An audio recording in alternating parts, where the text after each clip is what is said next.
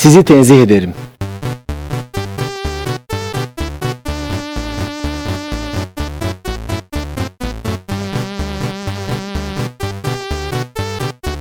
Gölgesinden korkan bir radyo programı.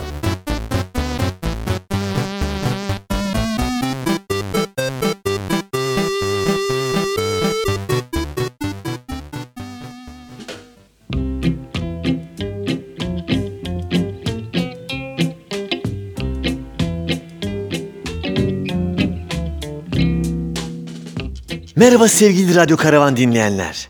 Nasılsınız inşallah? İyisiniz maşallah diyoruz ve 22. programımızı da açıyoruz. Bu programımıza da her zaman olduğu gibi sizden ayrı kaldığımız süre içinde yaşanan gelişmeleri sizlerle paylaşarak başlamak istiyoruz. Geçen haftanın hiç şüphesiz en önemli olayı sahnede şarkı söylerken bir metreden aşağıya düşüp kafası kırılan robota kaldırıldığı hastanede diğer robotların etli ekmek ikram ederek geçmiş olsun ziyaretinde bulunmalarıydı. Şaka lan şaka. Ne robotu ne etli ekmeği. Geçen hafta Radyo Karavan'ın dördüncü yaşını kutladık sayın dinleyenler. Gündemimiz tabii ki bu. Gerçekten çok fantastik. Gerçeküstü bir parti oldu. Partiye gelemeyenler ya da gelip de anlamayanlar için şöyle kısaca anlatayım. Müslüm Gürses'in DJ Özel Gönlüm'ün organizatör olduğu bir parti düşünün. Psikodelik Afrika müziği eşliğinde metalci ve rockçıların Ankara misket oynadığını, bu sırada Ayça ve Tony maskesi takmış onlarca insanın da onları alkışladığını düşünün. Konuşma yapması için sahneye çağrılıp eline mikrofon verilen sinsi adamın ben konuşmamı evde kaydedip getirdim diyerek konuşmasını cep telefonunun hoparlörüne mikrofon dayayarak yaptığını ve bu sırada kafasında Peter Pan şapkası olduğunu düşünün. Birbirini ilk defa gören insanların aslında birbirini çok iyi tanıdığını ve sanki 40 yıllık dost gibi sarıldıklarını düşünün. İşte böyleydi Radyo Karavan Partisi. Karavancılara da bu yakışırdı. Mekana yanlışlıkla dışarıdan biri gelse ve kafasını içeri uzatsa ne oluyor lan burada der kapıda öyle kala kalırdı. Zaten yaka kartı olmadığı için de bizim hanım içeri almazdı. İşte böyle eğlenceli, duygusal ve gururlu kutladık radyomuzun dördüncü yaşını. Ben en başta pazar akşamı parti mi olur ya? Ben memur adamım. Pazar günü tırnaklarımı keser, banyomu yapar, gömleklerimi ütüler, çayımı demler, geçerim televizyonumun karşısına dedim. Hem benim dizim var Kanal D'de. Dizimi kaçıramam dedim. Bir litre gözyaşı dedim. Ama sonra fikrimi değiştirip gittim. İyi ki de gitmişim. Şaka bir yana gerçekten televizyonlarımızda 1 litre gözyaşı diye bir dizi var değerli dinleyenler. İnanması güç ama var. Adamlar alışveriş listesi gibi dizi ismi koymuşlar. 2 şişe süt, orta boy yoğurt, ekmek, 2 kilo domates, 1 litre gözyaşı. Türk dizilerindeki duygusallıkta niteliğin değil niceliğin önemli olduğunun en somut göstergesi. Dizicilikte bir litre gözyaşı akmazsa para yok abi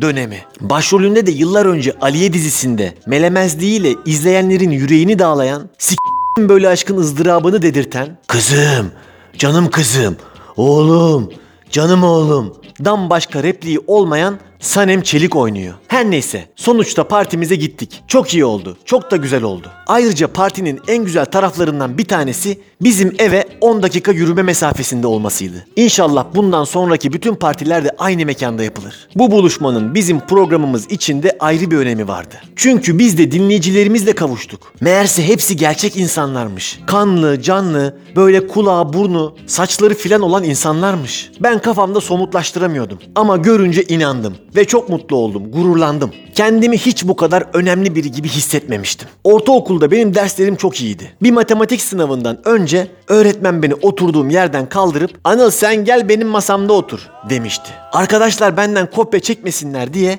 ben sınavı tek başıma hocanın yumuşacık sandalyesine oturup yapmıştım. İşte o an kendimi önemli biri gibi hissetmiştim. O an dedim, herhalde bu nokta benim zirvem. Şu hayatta daha çok yükselemem. Ama dinleyicilerimizin partideki ilgisi çıtayı yükseltti. Hepsine çok teşekkür ediyorum. Buradan tek tek isim verip rencide etmek istemiyorum. Onlar kendilerini biliyorlar. Partiden önce bağımsızlıkla ilgili 2 dakikalık bir konuşma hazırlamamız istenmişti. Ben de hoca yoklama defterinden rastgele kaldırıp sözlü yapabilir diye konuşmamı evde hazırlayıp telefona kaydettim. İyi ki de öyle yapmışım. Çünkü doğaçlama konuşmalarım genelde felaketle sonuçlanıyor. Şimdi bu konuşmayı bir kez de buradan yayınlıyor ve radyomuzun dördüncü yaşını tekrar kutluyoruz. Merhaba sevgili Radyo Karavan dinleyenler. Nasılsınız inşallah? İyisiniz maşallah diyoruz ve dördüncü yaş günü partisi özel konuşmamızı da açıyoruz. Beni bilen bilir dostlar. Hazırlıksız konuşmaları, spontan gelişmeleri hiç sevmem. Bir konuşma yapacaksam mutlaka kağıt kalemi elime alır, günlerce uğraşır, sonra onu defalarca kaydeder, montajını yapar, sizlere öyle sunarım. Başka türlü beceremem çünkü. Şimdi şu konuşmayı hazırlıksız yapsam, politikacılar gibi sözün bittiği yerdeyiz. Kimse sabrımızı test etmeye kalkmasın. Bıçak kemiğe dayandı filan gibi klişe laflar ederim. Aklıma başka bir şey gelmez. Ama şimdi öyle mi? Bakın ne kadar dolu dolu ve akıcı konuşuyorum. Adeta her kelimem altın değerinde. Aslında beni bıraksanız sabaha kadar böyle saçma sapan konuşurum.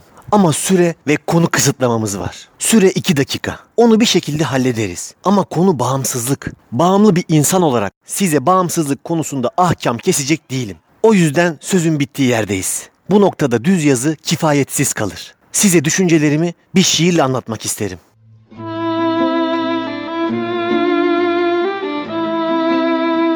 Non dolet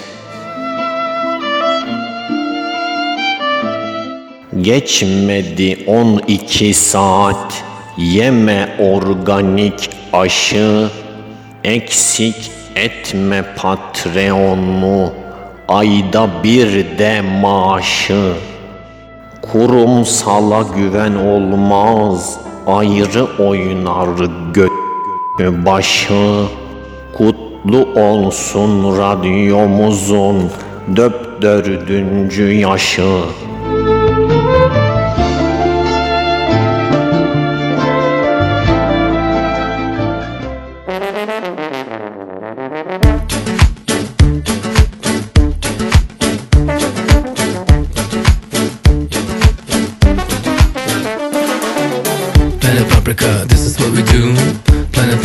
nobody stay cool. Planet Paprika, this is where we're from. Planet Paprika it's my pleasant home. Planet Paprika, this is what we do. Planet Paprika, nobody stay cool. Planet Paprika, this is where we're from. Planet Paprika. Na na na na na na na. na.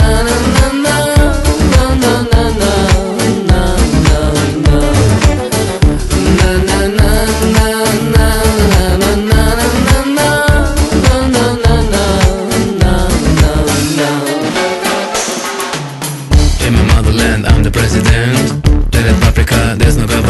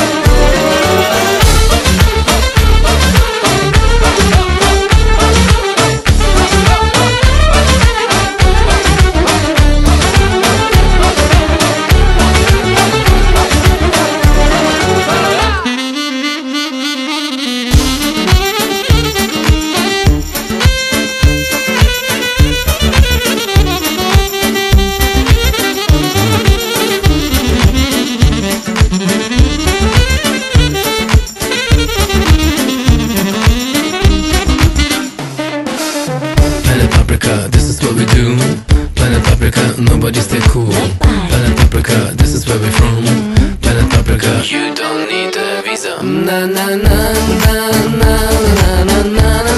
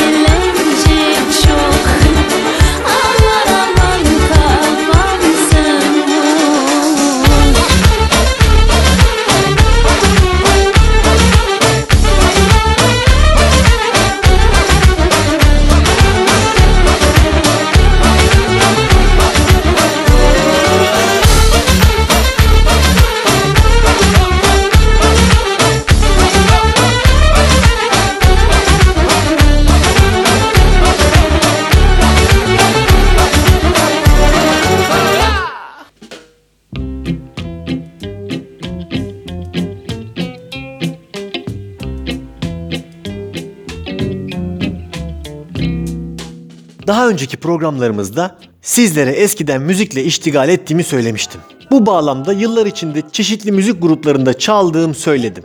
Birçok etkinlikte, konserde yer aldım. Yalnız bu gruplardan bir tanesiyle bayağı ulusal kanallarda tanınan televizyon programlarına çıkıp çaldık. Şimdi kanal ve program ismi verip onları rencide etmek istemiyorum. Ama söylesem, ''Aa onda mı çıktınız?'' dersiniz. Ya da demezsiniz bilmiyorum. Neyse, anlatacağım olay 2013 senesinden bu programa çıkma hikayemiz. 6 kişilik bir müzik grubu olarak 2013 senesinin sonlarına doğru bizi söz konusu programdan aradılar ve yayına çıkarmak istediklerini söylediler. Biz aynı programa bir sene önce de çıkmıştık. O zaman 4 kişiydik. Daha çekingen ve akustik olarak çalmıştık. Bunlar efendi çocuklardı. Başımızı ağrıtmamışlardı. Bunları yine çağıralım demiş olacaklar ki bizi yine çağırdılar. Ama hesaba katmadıkları bir şey vardı. Biz grup olarak palazlanmıştık. Ben akustik gitarı bırakıp elektroya geçmiştim. Bendiri bateriye çevirmiştik. Bas gitar koymuştuk. Daha gürültülü bir müzik yapmaya başlamıştık. Hatta grupta saksafon bile vardı. E grubun sound'u değişti de biz aynı mı kaldık? Tabii ki biz de değiştik. İyice gemi azıya aldık. İtlik, serserilik bizden soruluyordu artık. Gittiğimiz yerlerde iyice içip kendimizi rezil etmeden rahat etmiyorduk. Akorları, sözleri karıştırmadan bitirdiğimiz bir tane konserimiz kalmamıştı. Zaten hiçbirimiz iyi müzisyenler değildik. Bir de işin içine alkol girince iyice s**yorduk. Kötü müzisyenliğimizin bahanesini alkole buluyorduk. Biz de az çakal değildik değerli dinleyenler. Neyse bu adamlar bizi programa ikinci kez çağırdılar. Dedik biz grubu büyüttük. Artık 6 kişiyiz. Ve bir sürü de teçhizatımız var. Olsun dediler. Biz sizi serviste kapınızdan alırız. Vay be olaya bak. Bayağı turne grubu gibi olmuştuk. Kendimizi Woodstock'ta çalacak bir rock grubu gibi hissettik. Turne otobüsüne atlayıp günlerce o şehirden bu şehire giden, festivaller gezen bir gruptuk adeta. Yıllarca filmlerde görüp özendiğimiz Sex, drug and rock and roll kafasına en çok yaklaştığımız andı. Gerçi grubumuzda bunlardan üçü de yoktu ama olsundu. En azından 17 artı 1 kişilik transporter okul servisimiz ve kutu biralarımız vardı. Program gece 11'de başlayacaktı ve canlı yayındı. Bizi saat 6 gibi Galata'dan aldılar. Biz gitmeden Migros'tan torbalar dolusu bira aldık. Rakçılık bunu gerektirirdi. Servis şoförünün tuhaf bakışları arasında biz yolda içmeye başladık. Araçta bizden başka kimse yoktu. O yüzden de rahattık. Söz konusu televizyon binasına geldiğimizde saat 7'yi geçiyordu. Programa daha 4 saat vardı. Mesai saati bittiği için binada kimsecikler kalmamıştı. Biz de bunun rahatlığıyla kanalın bahçesinde içmeye devam ettik. 2 saat sonra hepimiz zurna olmuştuk. Arada çağırıyorlar, soundcheck yaptırıyorlardı. Sonra bırakıyorlardı. Bir daha çağırıp makyaj yapıyorlardı. Böyle gitmeli gelmeli sıkıcı bir bekleme süreci başladı. Bizi bir de konuk bekleme odasına aldılar. Böyle kanepelerin, koltukların, sehpaların, televizyonun olduğu büyük bir odaydı. Biz biraları bu odadaki ikili kanepenin arkasına zulaladık. Televizyon kanalında bizim organizasyonumuzdan sorumlu olan çocuk tehlikenin farkındaydı. Ama artık çok geçti. Bizim kanımızdaki alkol seviyesi onun uyarılarına kulak asmayacak eşiği çoktan aşmıştı. Ve her geçen dakika bu seviye yükseliyordu. Çocuk yapmayın etmeyin abi içmeyin artık. Sizi böyle görürlerse hepimiz mahvoluruz diyordu.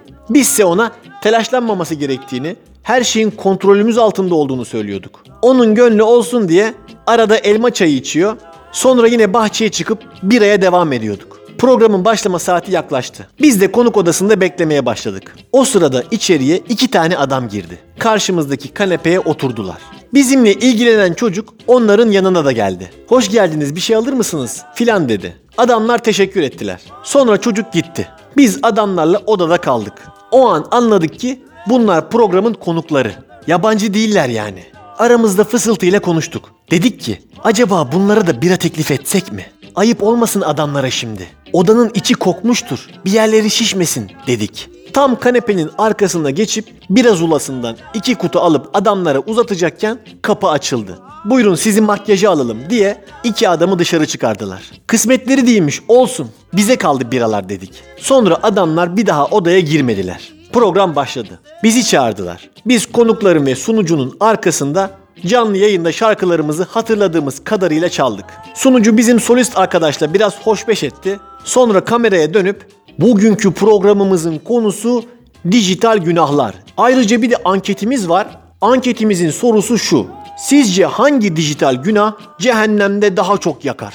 Anketimiz de şu anda başladı. İnternetten katılabilirsiniz. Şimdi konukları tanıtayım. Sol başta bilmem ne üniversitesi İlahiyat Fakültesi profesörü Sayın bilmem ne hocamız var. Onun yanında İslam felsefesi uzmanı Sayın bilmem ne hocamız var dedi. Biz o anda fal taşı gibi açılmış gözlerimizle birbirimize baktık. Yani biz az kalsın bir ilahiyat profesörü ve İslam bilginine sidik gibi olmuş kutu bira ikram edecekmişiz. Dedik bizi Allah korumuş. Hayır biralar soğuk olsa yine bir nebze kabul edilebilir. Ama hoşaf gibi olmuştu meretler. Neyse programı birkaç küçük hata dışında sağ salim tamamladık. Tek parça halinde oradan çıkabildik. Gece yarısı olmuştu. Bu sefer de kanalın çalışanlarının bindiği personel servislerine binip evlerimizin yolunu tuttuk. Rockstar gibi başladığımız gece 657 tabi bir memurmuşuz gibi bitti. Hangi dijital günah cehennemde daha çok yakar anketinde ise sevgilisi varken DM'den yürümek şıkkı, tweet çalmak şıkkını geride bırakarak burun farkıyla birinci oldu.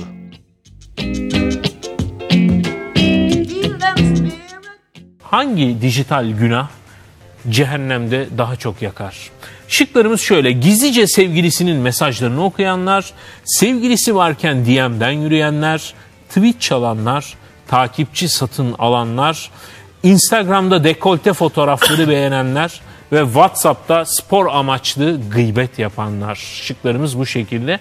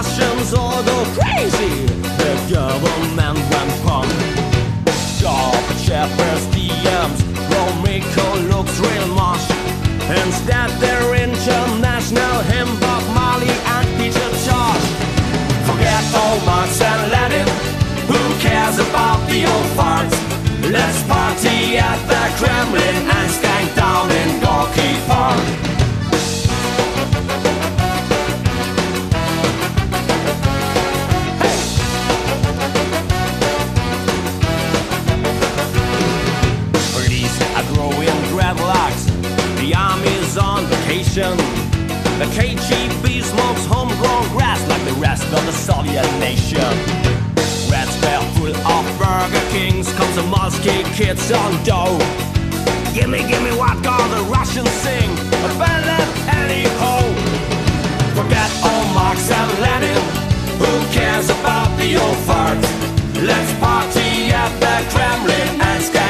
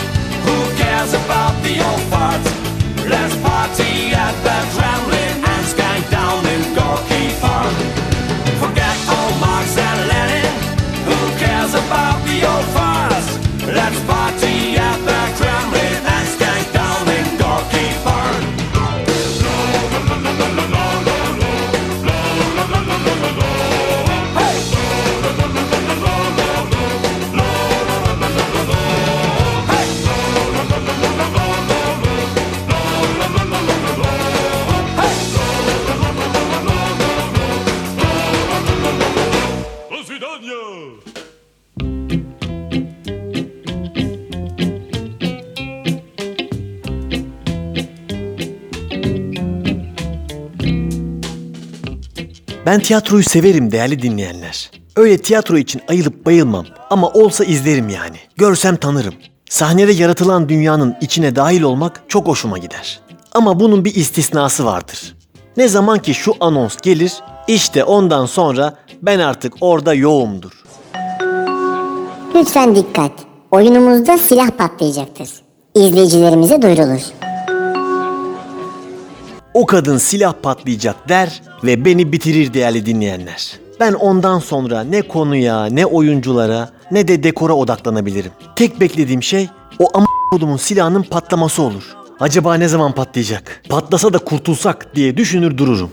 Ne zaman patlayacağı belli olmayan silah yüzünden oyun bana zehir olur. Hele bir de silahı patlatacak kişi devamlı elinde silahla oynuyorsa.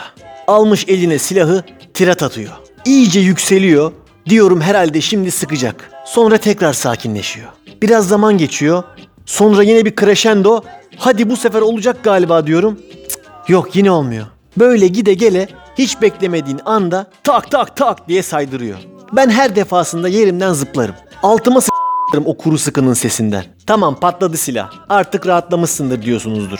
Yok öyle olmuyor. Bu sefer de acaba yine sıkacak mı diye bekliyorum. Devamlı diken üstündeyim yani. Acaba seyircilerden birinin telefonu çalacak mı? Biri öksürük krizine tutulacak mı? Geç gelen olacak mı? Repliğini unutan oyuncu olacak mı diye devamlı tedirginimdir. Telefonumu açık unuttum mu acaba diye 5-10 kere kontrol ederim. En son garanti olsun diye pilini çıkarırım. Bunlar hep benim için gerginlik sebepleri. Benim için tiyatro eşittir stres. Bu arada siz söylemeden ben söyleyeyim. Duvarda asılı silah oyunun sonunda mutlaka patlar. Ama bunlar bellerinden çıkarıyorlar genelde. Silah sıkıp ödümüzü patlattılar. Bu sefer de barut kokusu gelir. Bir de sis makinesinden sis verdilerse öksürenler, tıksıranlar, Seyirciler arasında astım hastası mı var? Koası olan mı var? Nefes darlığı çeken mi var? Umurlarında değil. Ver ederler sesi. Ver eylerler dumanı. Bir keresinde hiç unutmuyorum. İkinci Dünya Savaşı zamanında geçen bir oyuna gitmiştim. Adamlar o döneme ait gerçek bir araba soktular sahneye. Bir çalıştırdılar. Size yemin ederim bütün seyirciler egzoz dumanından az kalsın boğuluyorduk. Ya bu kadar gerçekçi olmasına gerek yok. Biz zaten senin anlatacağın her şey inanmak için geldik oraya. Biz biliyoruz zaten 1942'de olmadığımızı, senin Alman olmadığını. Zaten Türkçe konuşuyorsun. Anlıyoruz yani bunları. Bütün bunlar ortadayken daha gerçekçi olmak için bizi dumana boğmanın, ödümüzü patlatmanın anlamı ne? Kulağımızın zarı patlamadan biz o silahın patladığını anlamayacağız mı? İyi bir oyuncu iki parmağını uzatıp bam dediği zaman da izleyene o hissi verir zaten. Hatta belki böylesi daha doğrudur. Sahnedeki durumun gerçekliğini arttırma hadisesinin dalağını yaran bir olay da operada başıma geldi. Sakın yanlış anlamayın. Her ay operaya giden über entel bir insan değilim. Hayatım boyunca toplasan bir elin parmaklarını geçmez opera tecrübem. Bu anlatacağım olay da yıllar önce AKM Büyük Salon'da yaşandı. Yanlış hatırlamıyorsam İtalyanca bir operaydı. Ve prodüksiyona bayağı para ve emek harcamışlardı. Sahnenin en üstünden de dijital bir panodan şarkıların sözlerinin Türkçe tercümeleri akıyordu. Kulak tıkaçlarıyla izleyenler varsa en azından konunun ne olduğunu anlamaları açısından iyi bir fikir diye düşündüm. Ama yazılar döviz bürolarında akan yazılar gibi akıyordu. Hani altın, dolar, euro, çeyrek, tam, ata yazar ya kırmızı çirkin bir yazıyla. Ya da kebapçıların, dönercilerin böyle dijital tabelaları vardır. Pide çeşitleri, kıymalı, kaşarlı, kuşbaşılı, künefe, mercimek, ezogelin filan yazar devamlı akan bir şekilde. İşte aynı o yazılar gibi yazıyordu şarkıların sözleri. Alt taraf 16. yüzyıl İtalyası, üst taraf güven kebap. Öyle bir konsept var sahnede. Her neyse bunlar söylüyorlar filan. Ben yukarıdan menü okuyorum. Hafiften de canım sıkılmaya başlamış. Tam da ortalardayım. O sırada sahneye bir tane at girdi değerli dinleyenler. Hayır yanlışlıkla girmedi. Temsilin bir parçası olarak sahneye dev gibi atı getirdiler, ortalık yerde durdurdular. Üstünde de bas bariton bir abimiz bas bas bağırıyor. Ben acaba hayal mi görüyorum diye Şöyle gözlerimi ovuşturdum. Yok la bildiğin bayağı at var sahnede. Akan yazıları okumayı bırakıp sahneye döndüm. Ne olacak acaba diye beklemeye başladım. Bir sessizlik oldu. Atı da bir seyis tutuyor haliyle. Tabi ona da dönemin kıyafetlerini giydirmişler. Oyunun bir parçası haline getirmişler. Ama abinin bıyıkları, duruşu, tipi ben buraya ait değilim diye bağırıyor. Sadece atı tutuyorum. Benden Roma askeri olmaz diyor. Sonra atın üstündeki sanatçı başladı okumaya. Ama çok içli okuyor. Bir de yüksek perdeden okuyor. Bu böyle aniden bağırınca e at da korkuyor tabi. Huysuzlandı hayvan yerinde durmuyor. Bir sağa dönüyor, bir sola dönüyor. Romalı seyis Abdullah abi atı Türkçe sakinleştirmeye çalışıyor. At bana mısın demiyor. Ama bas bariton abinin sahnenin tam ortasında atın üstünde ve sabit durması lazım. Çünkü sevgilisi de hemen karşısında. Ona doğru söylemesi lazım yani. Adam Braveheart filminde at üstündeki Mel Gibson gibi oldu. Sabit duramıyor. Benim aklıma acayip acayip şeyler geliyor. Gülmemek için kendimi zor tutuyorum. Bu adam şarkıyı söylerken at arkasını dönüp sahneden çıksa ya diyorum. Ya da adamı üstünden fırlatıp seyircilerin arasına dalsa ne acayip olur diyorum. Hiç değilse sahnenin ortasına şöyle okkalı bir sıçsa acaba ne yaparlar diyorum. Diyorum da diyorum. O at benim zihnimi bayağı bir oyaladı değerli dinleyenler. Sonra perde bitti. Dedim ben yavaş yavaş eve gideyim. Zaten sahne sanatları bende stres yapıyor. Bir de operada attan çifte yiyip tarihe geçen opera sever olmayayım. Akşam akşam başımı belaya sokmayayım.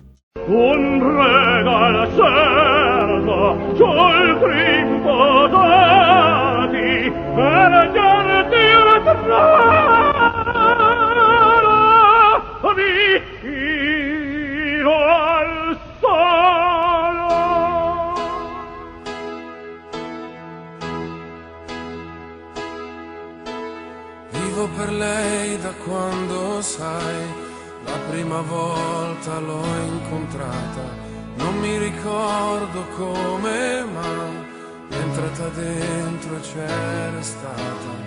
Vivo per lei perché mi fa vibrare forte l'anima, vivo per lei e non ha un peso. Vivo per lei, anch'io lo sai, e tu non esserne geloso. Lei è di tutti quelli che hanno un bisogno sempre acceso, come uno stereo in camera di chi è da solo adesso sa che anche per lui, per questo io vivo per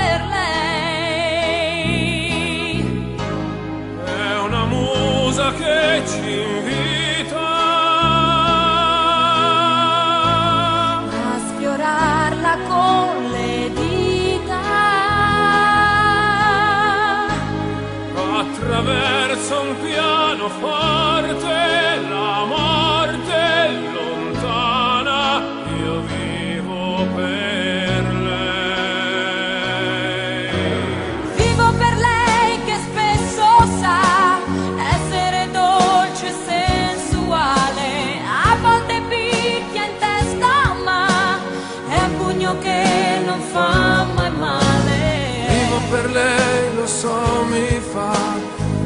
girare di città in città, soffrire un po', ma almeno io vivo.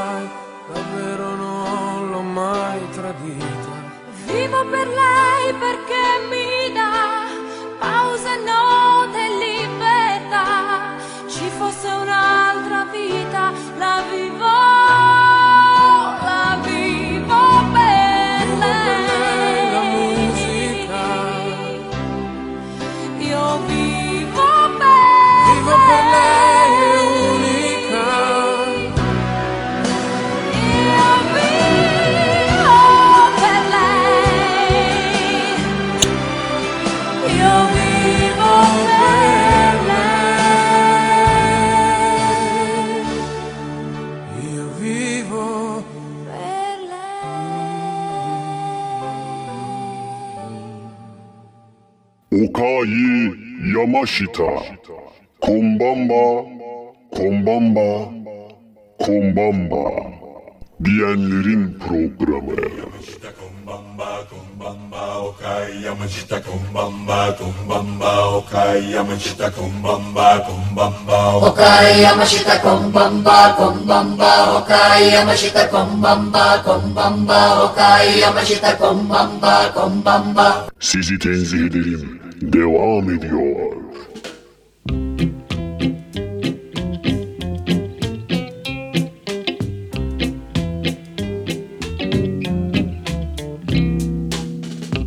Daha önceki programlarımızda sizlere ikinci el eşya satış sitesi Letgo bağımlısı olduğumu, bir ev dolusu eşyayı bu uygulama sayesinde sattığımı ve bu işlemler sırasında başıma gelen ilginç hadiseleri anlatmıştım. O zamanlar Letgo resmen bende bağımlılık yapmıştı. Artık etrafımda gördüğüm her eşyaya bana ait olmasa da internette satılacak ürün gözüyle bakıyordum. 6 ay süren bir rehabilitasyon sonunda çok şükür bu bağımlılığımdan kurtuldum. Programı telefonumdan sildim. Artık hiç Let Go düşünmüyordum. Ta ki babam o telefonu edene kadar. Babam geçen hafta beni aradı. Oğlum biz yeni televizyon aldık. Eski televizyonu senin sitede satalım mı? dedi. Baba dedim yapma etme gözünü seveyim. Ben bıraktım Let Go'yu dedim. Ne olacak satarsın ya iki günde dedi. Baba ateşli oynuyorsun dedim. Bir şey olmaz sen satarsın dedi. Whatsapp'tan televizyonun fotolarını yolladı. Alkolü bırakıp evdeki içki şişelerini atan adamın evdeki limon kolonyası şişesine bakması gibi fotoğraflara baktım. Ellerim titremeye başladı. Ulan dedim son bir kez daha satayım sonra bırakırım. Lanet olsun dedim. Uygulamayı tekrar yükledim. Fotoları ekledim, açıklamamı yazdım. Yağmur gibi mesajlar gelmeye başladı. Yıllarca sadece emeğini satan bir proleter olarak tüccarlıktan aldığım tadı emekçilikten alamadım dostlar. O mesajlar gelen kutusuna düştükçe benim de yüzüme kan geldi şerefsizin. Yine abuk subuk mesajlara cevap verdim, pazarlık ettim, esnaf ayağı yaptım. Resmen durduk yere mutlu oldum. Adamın bir tanesi ben spotçuyum en son ne olur yazmış. Profiline tıkladım. Önce şunun bir tipine bakayım diye. Adam bildiğin ormanda sevgilisiyle tango yaparken çekilmiş fotosunu ikinci el eşya satış sitesine profil fotosu olarak koymuş yala.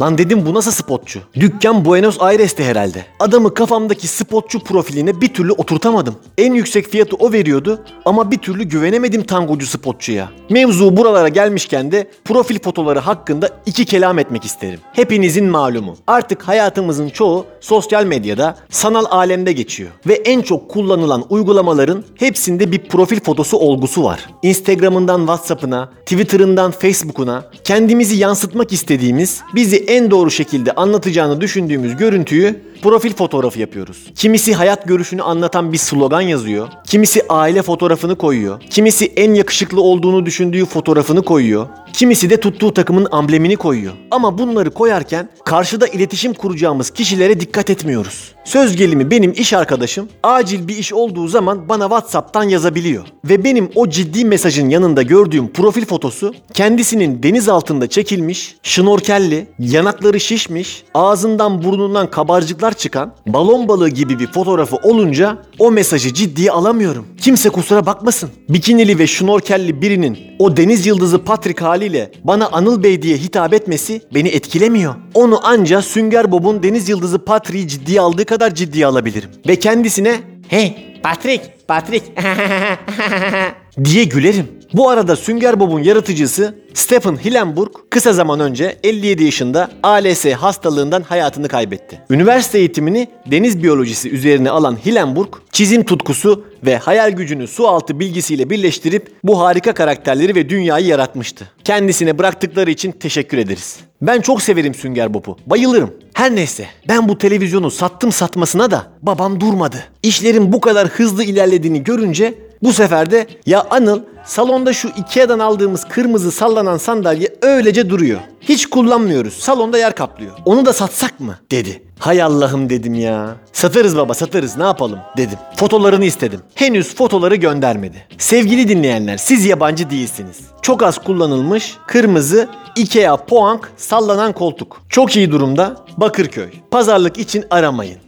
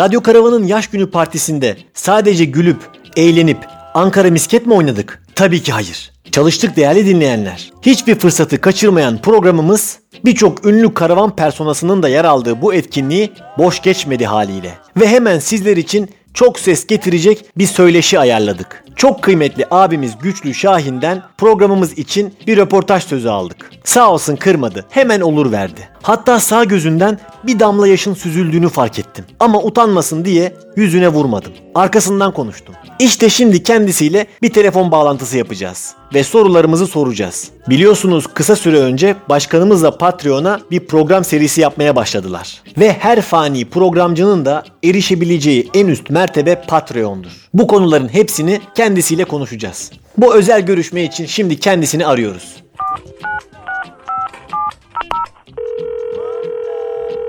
Çalıyor. Alıyor mu? Bir deneyelim buyurun dinliyorum. Alo.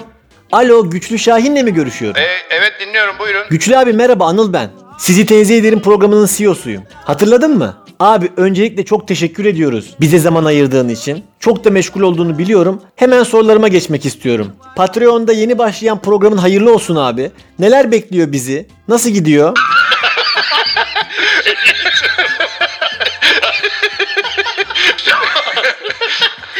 An Aha, anlıyorum peki. Peki Zibidiler matinesi devam edecek mi abi? Dinleyenleriniz onu da bekliyor çünkü.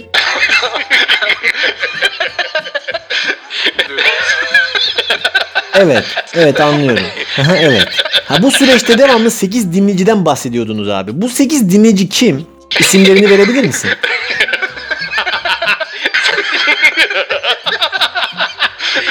Aha, anladım, evet. Biraz da gündelik hayattan konuşalım istersen. Sizin bir de esnaflık yönünüz var. Güçlü Şahin deyince herkesin aklına Eminönü'nün saygın ve seçkin esnaflarından biri geliyor.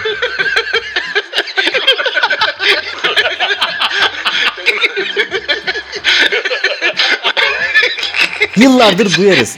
Esnaf kan ağlıyor, esnaf kan ağlıyor derler. Nedir abi bu kan ağlamak? Sen hiç kan ağladın mı mesela?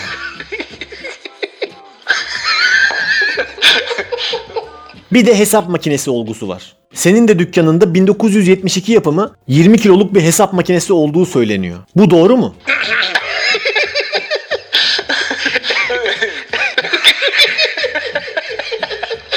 E son olarak da şunu sorayım. Müşterilerle pazarlık yaparken hani hesap makinesine böyle tıkır tıkır tıkır hızlıca bir şeyler yazıyorsunuz ya. Onlar kafadan sallama şeyler mi? Yoksa gerçekten mantıklı bir hesap söz konusu mu?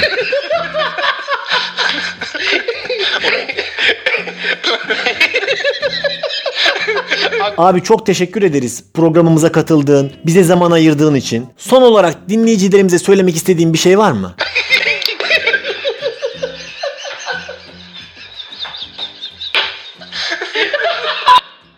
Peki abi çok teşekkürler. Kolay gelsin. Bu faydalı bilgilerle dolu güzel röportaj için Güçlü abiye çok teşekkür ediyorum. Ve sözü haber merkezine bırakıyorum. Ali Kırca.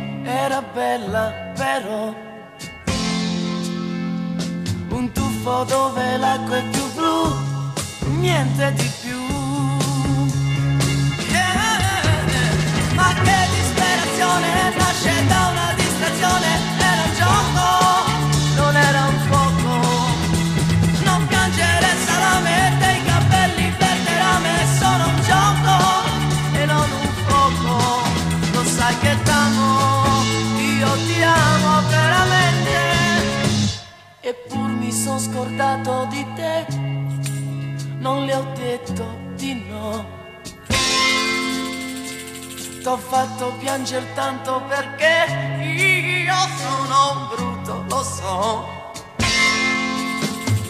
Un tuffo dove l'acqua è più blu niente di più. Yeah. Ma che disperazione nasce da una distrazione,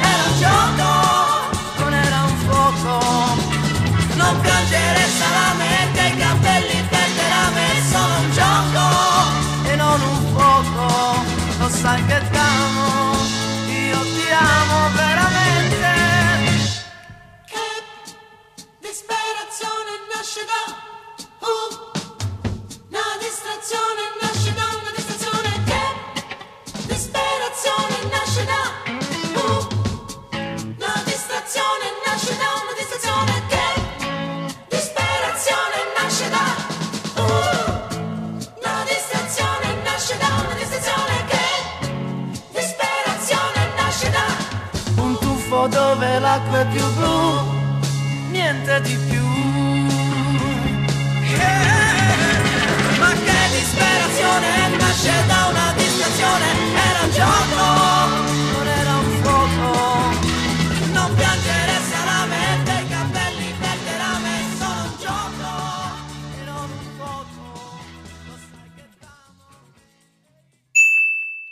Los Del Rio'nun 90'lı yıllara damgasını vuran, dansıyla da hafızalara kazınan Macarena isimli şarkısının Macarena isimli kızın sevgilisi Vittorino şehir dışındayken onu iki arkadaşıyla aldatmasıyla ve iyi dans edenler olursa onları da eve götürüp aynı işlemi tekrarlayabileceğiyle ilgili olduğunu biliyor muydunuz? I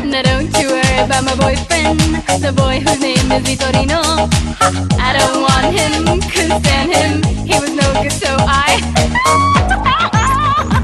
now, come on, what was I supposed to do? He was out of town, and his two friends were so fine. Dala tu cuerpo alegría Macarena, que tu cuerpo es para dar la alegría y cosas buenas. Dala tu cuerpo alegría Macarena, eh Macarena.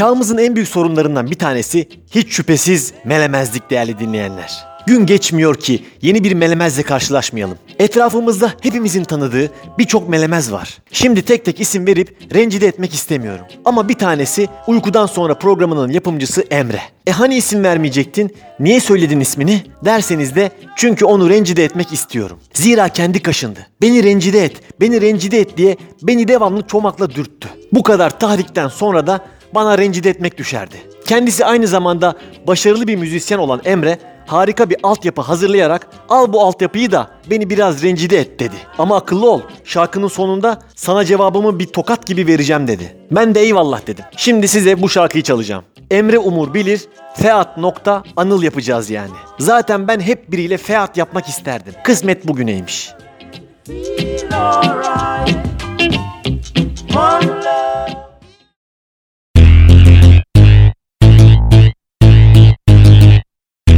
Uykudan sonra Feat.sti. Bayanlar baylar ve de LGBTİ bireyler Hazır mısınız? Haftalardır peşindeydin mutlusundur inşallah Sana bir rap yazayım de dinle uykudan sonra benim olayım montaj koçum. Konuşamam ezbere. Sözüm yalnız sana değil bütün melemezlere. 40 senedir uyuyorsun git bir yüzünü yıka. Bu sözleri duyuyorsan kulağını tıka. 10 gün sonra 2019 devir artık hız devri. Azıcık heyecan biraz da hareket davranın artık fevri Mıy mıy mıy mıy olmaz böyle. İçindeki kaplanı dışarı sal. Tek spiç misin de mübarek. Aymek senden duygusal. Deplasmanda Real Sociedad bahiste 5 veriyor bire. İstanbul'dan kopan kasırga Salı günü ulaşır İzmir'e. Aç da bir STE dinle. Uzakta durma gel beri. Kurdun nefesi çok kuvveti. Uçurur samandan evleri. Ben bilmem Emre Umur bilir. Hem severim hem döverim. Sakın gocunmayın eğmelemezler. Sizi tenzih sizi tenzih ederim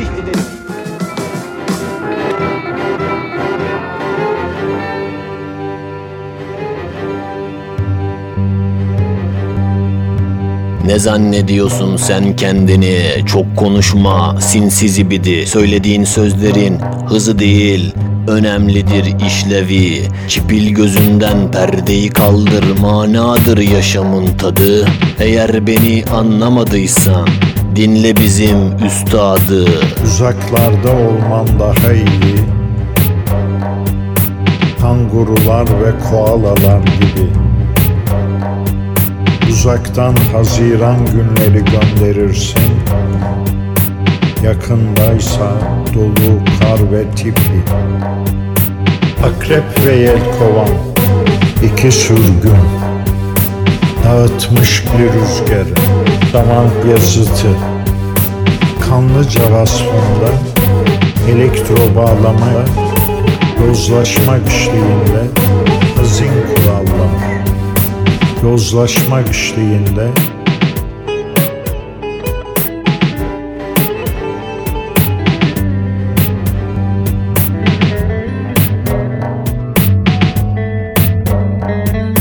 Sen orada kal çocuk Ayrılma sakın.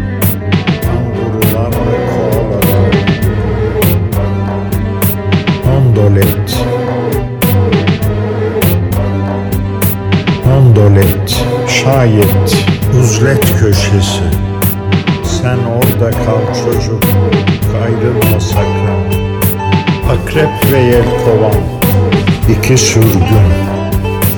Dağıtmış bir rüzgarı Zaman yazıtı. Kanlıca vasfında Elektro bağlamaya Yozlaşma güçlüğünde Hazin kurallar. Yozlaşma güçlüğünde dándole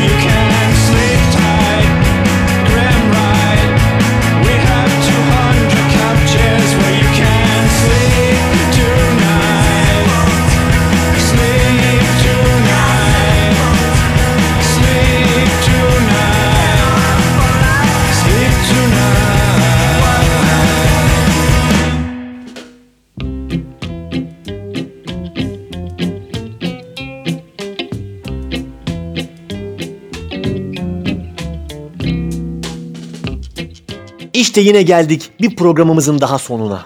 Programımızı kapatırken geçen ay Hollywood'daki şöhretler kaldırımında adına yaptırılan yıldızın açılışında çok güzel bir konuşma yapan Snoop Dogg'un bu konuşmasından bahsetmek istiyorum. Hatta konuşmayı direkt yayınlamak ve yabancı belgesellerde yapıldığı gibi üzerine seslendirme yapmak istiyorum. I want to thank me. Kendime inandığım için kendime teşekkür etmek istiyorum. Tüm bu zor işleri çalışarak başardığım için kendime teşekkür etmek istiyorum. Ara vermeden çalıştığım için kendime teşekkür etmek istiyorum. Asla vazgeçmediğim için kendime teşekkür etmek istiyorum. Her zaman verici olduğum ve aldığımdan daha fazlasını vermeye çalıştığım için kendime teşekkür etmek istiyorum. Yanlıştan çok doğru yaptığım için kendime teşekkür etmek istiyorum. Her zaman kendim olduğum için kendime teşekkür etmek istiyorum. İşte adam dediğin böyle olur. Allah herkese Snop Reis gibi alçak gönüllü, mütevazı bir insan olmayı nasip etsin.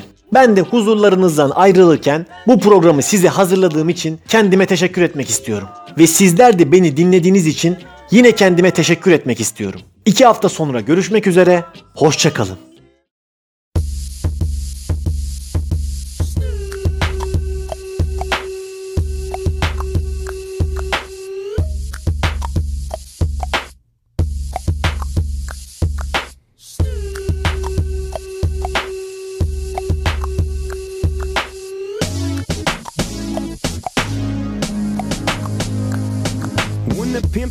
Crib, ma, drop it like it's hot. Drop it like it's hot. Drop it like it's hot. When the pigs try to get at you, park it like it's hot. Park it like it's hot. Park it like it's hot. And if a get an attitude, pop it like it's hot. Pop it like it's hot. Pop it like it's hot. I got the rollie on my arm and I'm pouring Sean down and I'm the best cause I got it going on. I'm a nice dude with some nice dreams. Kes lan farel misin nesin? Reis söylerken ne araya giriyorsun lan artist? Adam olmuş da Snop'la feat yapıyor ya. Uyuz oluyorum lan zaten sana.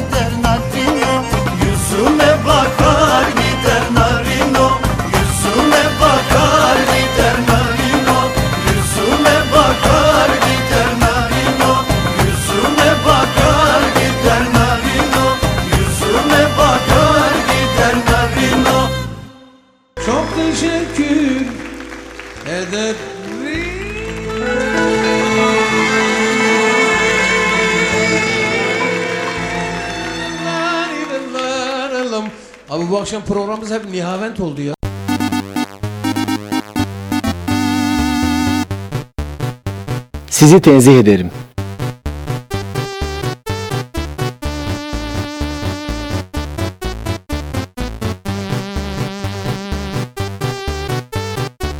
Gölgesinden korkan bir radyo programı.